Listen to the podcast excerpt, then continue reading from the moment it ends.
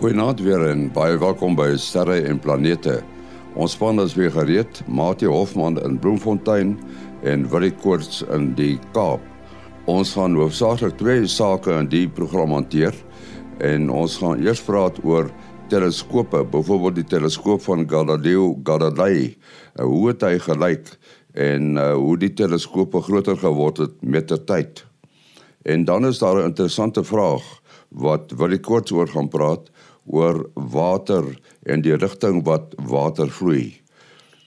Mate die geskiedenis van teleskope is nogal baie interessant as jy so deur die geskiedkundige boeke blaai dan sien jy mens 'n baie interessante teleskope. Ek dink die een wat die meeste aandag trek is die ene van Galileo Galilei, uh, waarmee hy daai maane om Jupiter gesien het. Maar daar's 'n paar ander interessantes, né? Nee. Ja, ja, om te begin by Galileo se teleskoop. Hy is nie die persoon wat die teleskoop natuurlik uitgevind het nie, maar hy is die eerste persoon wat dit gebruik het om na die sterrehemel, uh, na hemelvoorwerpe te kyk en dit was in so in die einde Augustus 169 gewees. Die persoon vir wie die beste opgeteken is dat hy die uh, vroeg vroeg het teleskoop gebou uh, gebou het was Hans Lippers Lippershey. En dan mag ander wees, maar sy uh, teleskoop is die beste opgeteken. Uh, en Galileo het toe nou vir homself 'n teleskoop gemaak. Ehm um, ek dink wel dit was kleiner as 'n uh, 1 duim deursnee uh, wat die, ek weet nie of jy die presiese deursnee ken nie. Uh jy sien uh, uh, afdrukke van hoe die teleskoop lyk en waar hy vergelyk uh, word met uh ook 'n beroemde teleskoop van Isaac Newton ehm um, wat so hier by 1670s rond het hy die eerste persoon ge, uh, geword wat 'n uh, spieelteleskoop gebou het. Uh nou dit het uh, die rede hoekom hy dit gedoen het met 'n lensteleskoop vir al die lense van daai tyd, ehm um, al die kleure, lig, fokus nie dan mooi saam nie. Jy het 'n saamgestelde lens uh nodig wat nou nie uh, iets is wat hulle op daai stadium al uh, kon maak nie. So en dan as jy nou deur so lens kyk na na 'n helder ster dan sien jy uh, sulke reënboogkleure rondom die die middel uh, van die ster se beeld. En uh, so nie 'n baie mooi skerp fokus en 'n natuurlike voorkoms nie. Uh so die spieël beweeg met 'n spieël beweeg die lig nie deur deur die glas nie, dit word net van die oppervlak af uh weerkaats en uh, Isaac uh, Newton het dit uh, nog uit metaal moes maak. Hulle het uh, met met 'n blink metaal. Maar in elk geval Galileo se waarnemings deur sy baie eenvoudige teleskoop en dit wat ons nou sommer in 'n uh, sekere winkels kan gaan koop in enige groot dorp of 'n klein stad soos Bloemfontein, ehm uh, is baie baie beter wat Galileo tot sy beskikking gehad het wat daarmee het hy waarnemings gedoen wat 'n paradigma verskywing teweeggebring het. Dit was net 'n ongelooflike sprong vorentoe in die sterrekunde. Hy kon sien dat die maan kraters het. Hulle het dit nie geweet nie. Hulle het gedag ehm um, die maan is mooi glad en perfek soos 'n sfeer. Dit is wat die mense in die antieke tye, die ou Grieke, uh, graag wou geglo het dat alles daarbo in die hemel is uh, volmaak en ons weet goed, dit is nie volmaak hier op die aarde nie, maar in die hemel daarbo het hulle nou maar gedink dit moet daar volmaak wees. Uh, maar behalwe dan nou van die kraters op die maan Uh baie belangrik kon hy die fases van Venus uh, uh, uh goed waarneem en die feit dat Venus deur fases bepaalde fases gaan van sekel Venus uh dieselfde tipe fases as wat ons vir die maan sien uh kan mens net verstaan as uh, Venus tussen ons en die uh son in beweeg. En dit het nie geklop met die idee dat die aarde in die middel is van uh van die beweging van alles in die in die sonnestelsel nie. En om da, da, da, die oorgang te maak na die die heliosentriese model van die sonnestelsel teenoor die geosentriese die aardsentriese model ehm um, het Galileo die eerste persoon geword en dit was in Januarie 1610 uh, wat met sy eenvoudige teleskoop die vier maane die helderste maane uh, dan ook die naaste maane aan Jupiter waargeneem het. Uh, die vier dit word nou die vier Galileanse maane genoem wat natuurlik dan nou hom verdoem is. Maar hy kon binne enkele dae uh duidelik uh, in sy uh, aantekeninge sien hoe daai maane beweeg het. En daar het hy, afgelei uh, uh, Jupiter is die sentrum van aantrekkingskrag uh van daardie maane en hulle beweeg in bane om Jupiter en duidelik nie in bane om die aarde nie. So die idee dat die aarde in die middelpunt van al hierdie hemelliggame so rotasies moes wees is dadelik die nekslag uh, toegedien. Ehm um, maar dit nog 'n hele tydjie selfs in die wetenskap gevat twee ongeveer seker ten minste twee dekades voor selfs die wetenskaplikes algemeen nou begin aanvaar het hulle moet nou maar vaarwel sê vir die geosentriese model. Uh nou met uh, uh Isaac Newton se spieelteleskoop uh, het hy dan ontslaag geraak van die uh van die uh, uh die kleuraberrasie uh van die van die lense en deesdae weet ons die grootste teleskope is almal spieelteleskope. Dit was nou eers hier later in die 1800s wat hulle kon groot spieëls uit glas uitmaak. En uh, voor dit en dan bring my nou by die uh, ander beroemde teleskoop wat miskien minder bekend aan baie van ons is, is die Rosse teleskoop of die Leviathan. En dit het Lord Rosse gemaak hier in 1845, 'n 72 duim spieelteleskoop, maar dit is weer eens uit 'n uh, eh, helder weerkaatsende metaal gemaak wat dan nou uh, die lig goed kon weerkaats. Hy kon hom reg mooi vorm. Is was 'n alloy van koper en tin. Uh sulke glasspieëls kon nog nie op daai stadium enigstens op daai skaal grootte gemaak word nie. En nou die teleskoop van Lord Rosse het nogal belangrike waarnemings gemaak. En nou kan ons 'n historiese lyn optel. Ehm um, in die sterrekunde op daai stadium was sekere voorwerpe baie belangrik, die so die, uh, die nevels wat of voorwerpe wat vir hulle gelyk het soos maar net nog nevels in ons sterrestelsel. En dan kan ons nou dink aan uh, voorwerpe soos die Orion nevel, die Eta Carina nevel, die Lagoon, die Omega nevel om nou enkeles te noem. Ehm um, wat ons uh, weet gaswolke is waarin sterre gebore kan word. Wel sekere nevels is weer oorblyfsels van sterre wat ontplof het, uh soos die soos die uh krapnevel. Ehm um, in elk geval hy het na 'n sekere klas van die nevels gekyk en gesien hulle het 'n spiraalagtige struktuur en hulle is toe daarna die spiraalnevels genoem. Nou die hierdie groot 'n uh, 72 duim teleskoop. Nou dit is groot. Ek het by ons een by Boden waarop ons baie trots is, is 60 duim. Uh en hy is eers voltooi en ja, so die sy spieël is vol sy eerste spieël is voltooi hier in uh, einde 1880s deur hy hy Cobbin en op daai stadium was dit die grootste glas uh spieël 'n teleskoopspieël in die wêreld met 'n deursnee van 60 duim. Nou hierdie een was dan 'n 72 duim en hy's in 1845 gemaak. Aansienlik voor hoor. Vroeger, hy was dan die grootste teleskoop tot in uh omtrent 1970. So vir 'n baie baie lang tyd nê. Nee. Dis 'n merkwaardige prestasie wat uh Lord Ross daarso behaal het om so 'n teleskoop wat vir so lank uh prominent gebruik was uh, daar te stel.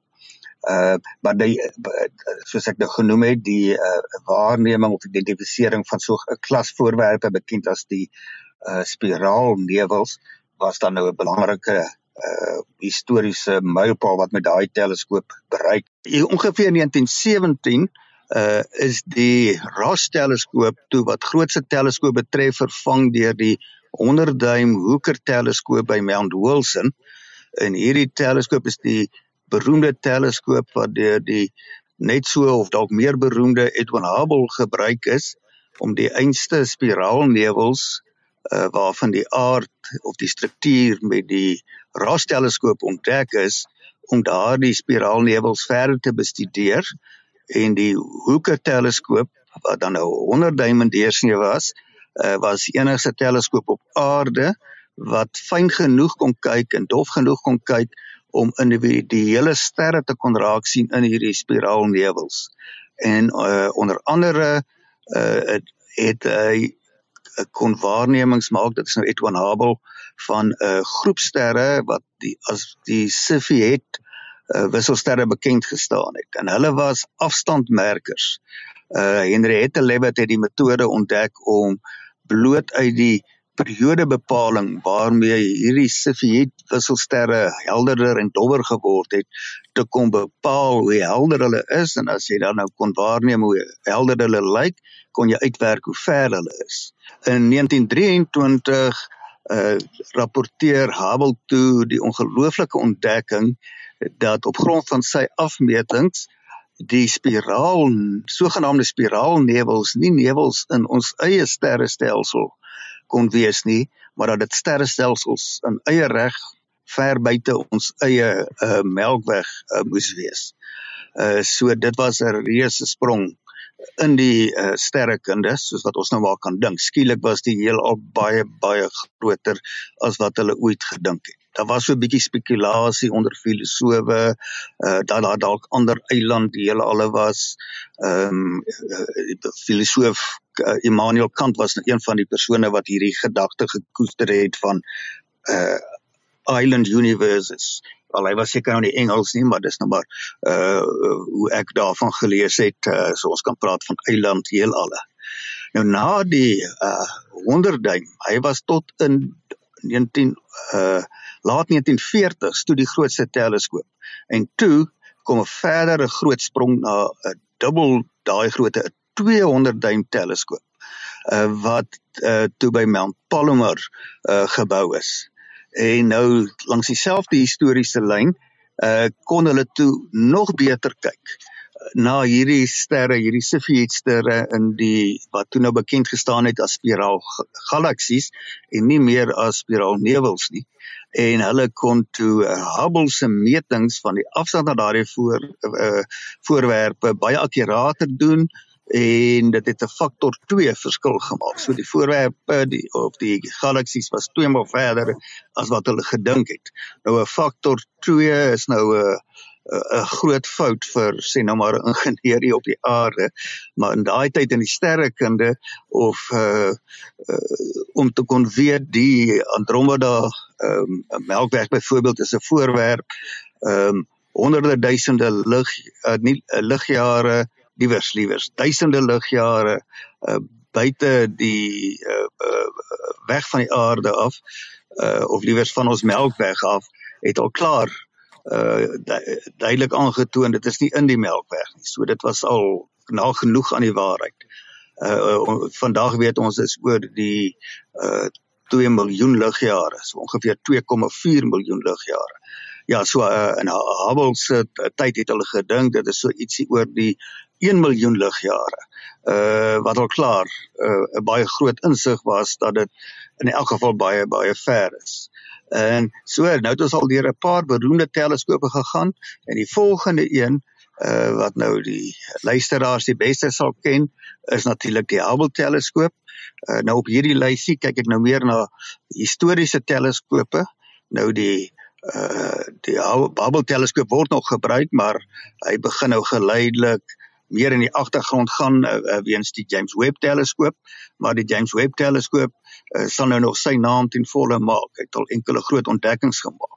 Maar die Hubble teleskoop is nou al 'n veteraan en oor 'n tydperk van uh, meer as 30 jaar het dit gehelp om die astrofisika en die sterrekunde te transformeer. Nou in grootte is hy nou nie van die grootstes nie. Hy's uh, maar so uh, uh, omtrent 90 duim Uh so dit is so uh hierso by 2,4 meter daar rond. Ek rond nou maar bietjie af. Uh, so goed as wat ek nou kan onthou. Uh so dis nou nie soos die 100 duim kleiner as die 100 duim en die 200 duim in elk geval. Maar sy groot voordeel natuurlik was dat dit in die ruimte is en daarom dit ehm um, op 'n totaal nuwe vlak kon waarnemings doen en natuurlik ook met baie beter toerusting as in die tyd wat die 100 duim en 200 duim teleskope hulle beslag gekry het. Nou uh vraag uh, uit Groot Brakrivier, Willie, kom van Ben Erasmus af. Hy sê iets waaroor hy al baie jare wonder is Waarom vloei die seewater nie af na die laagste plek op die aarde nie? Ja, wat vir my 'n interessante vraag is want ek het dan nou gedog dit is wat gebeur.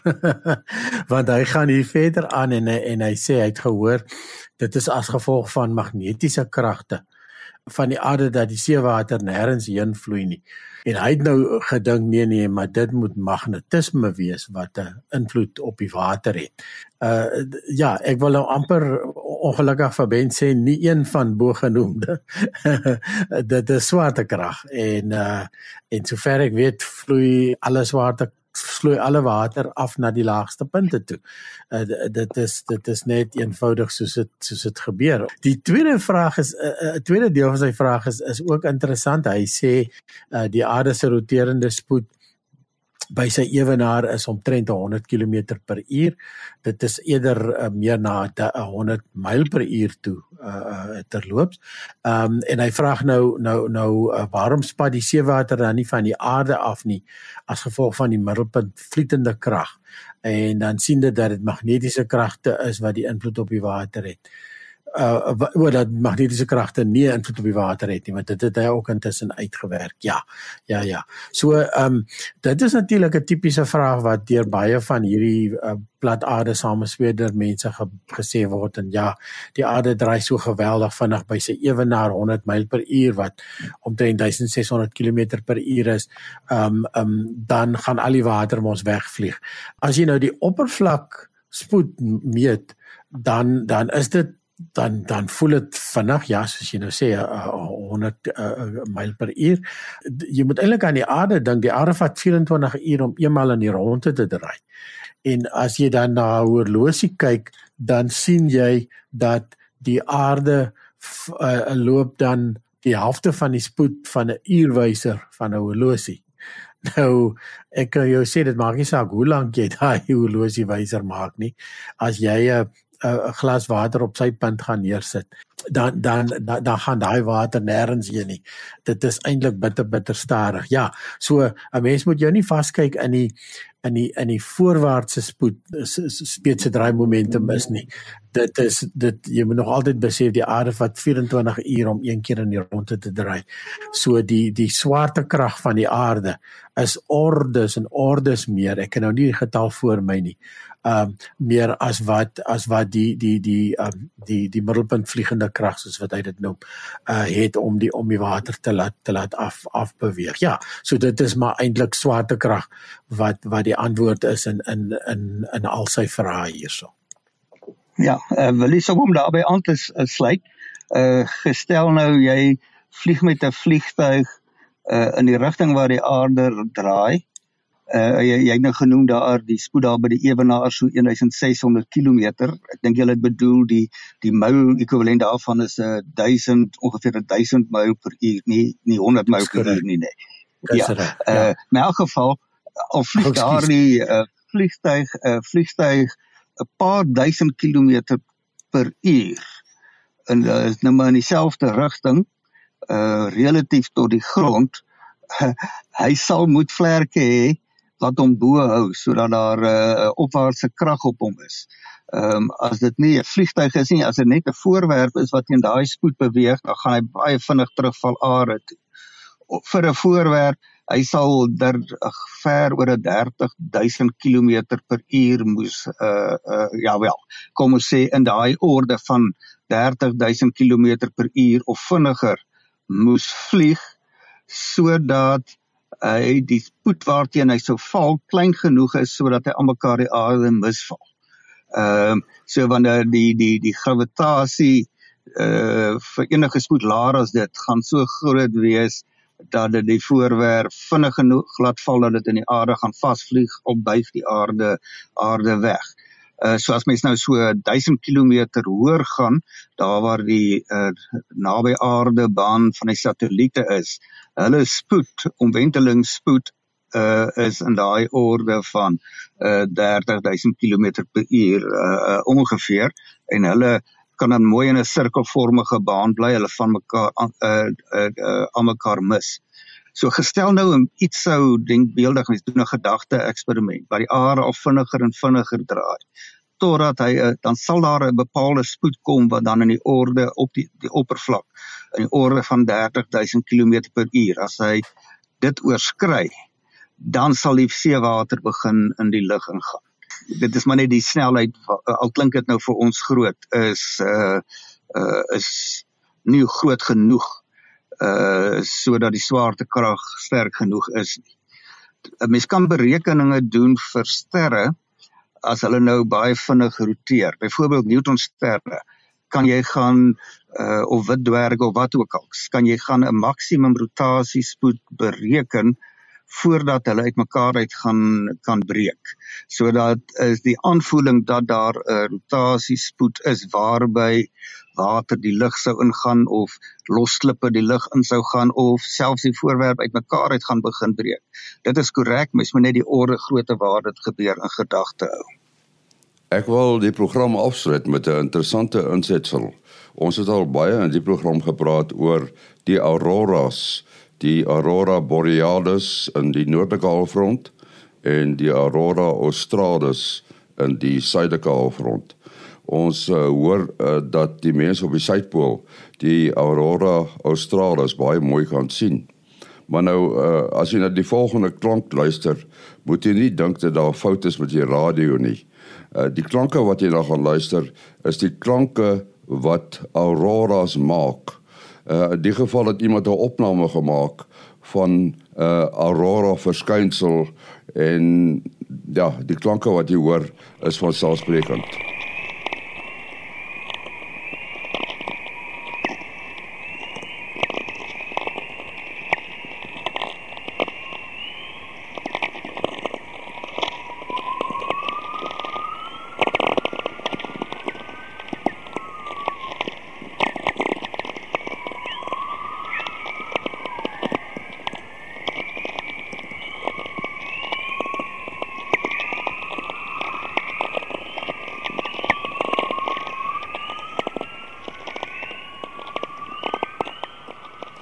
nogal 'n aardige klanke wat daardeur die auroras gemaak is. Die klapgeluide is als statiese elektrisiteit wat ook verband hou met die auroras. Nou ja, ons moet daarmee afsluit. Uh, Mate, jou besonderhede? Uh, selfoonnommer 083 625 7154. 083 625 7154. En dan wat? As 072 0724579208 En dan die program se e-posadres is sterreplanete@gmail.com. sterreplanete@gmail.com. Tot volgende week. Alles van die beste.